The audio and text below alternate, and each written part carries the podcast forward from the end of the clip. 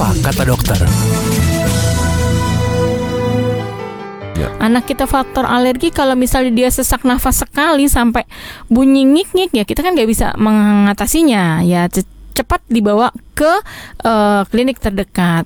Tetapi kalau misalnya kita cuman kita Gatal-gatal, tahu misalnya cuma betul. gatal-gatal biasanya punya ada bedak salisil ya yang di rumah itu boleh dioleskan. Tetapi kalau makin banyak kita juga tidak bisa mendiamkan. Tetap kita harus kontrol ke dokternya untuk diperhatikan dan diberikan obat yang tepat. Jadi eh, di sini kita memang tidak bisa memberikan langsung oh dikasih obat ini nggak mungkin lah karena ini apalagi anak-anak yang dosisnya harus eh, sesuai dengan hitungan berat badan. Kalau sesak nafas terlalu lama kan dia eh, otaknya kekurangan oksigen, akhirnya jadi anaknya jadi shock. Jangan didiamkan, jadi nanti shock malah resikonya nanti bablas. Jadi hati-hati. Dipersembahkan oleh PT Unimax Power, didukung oleh Bio 7.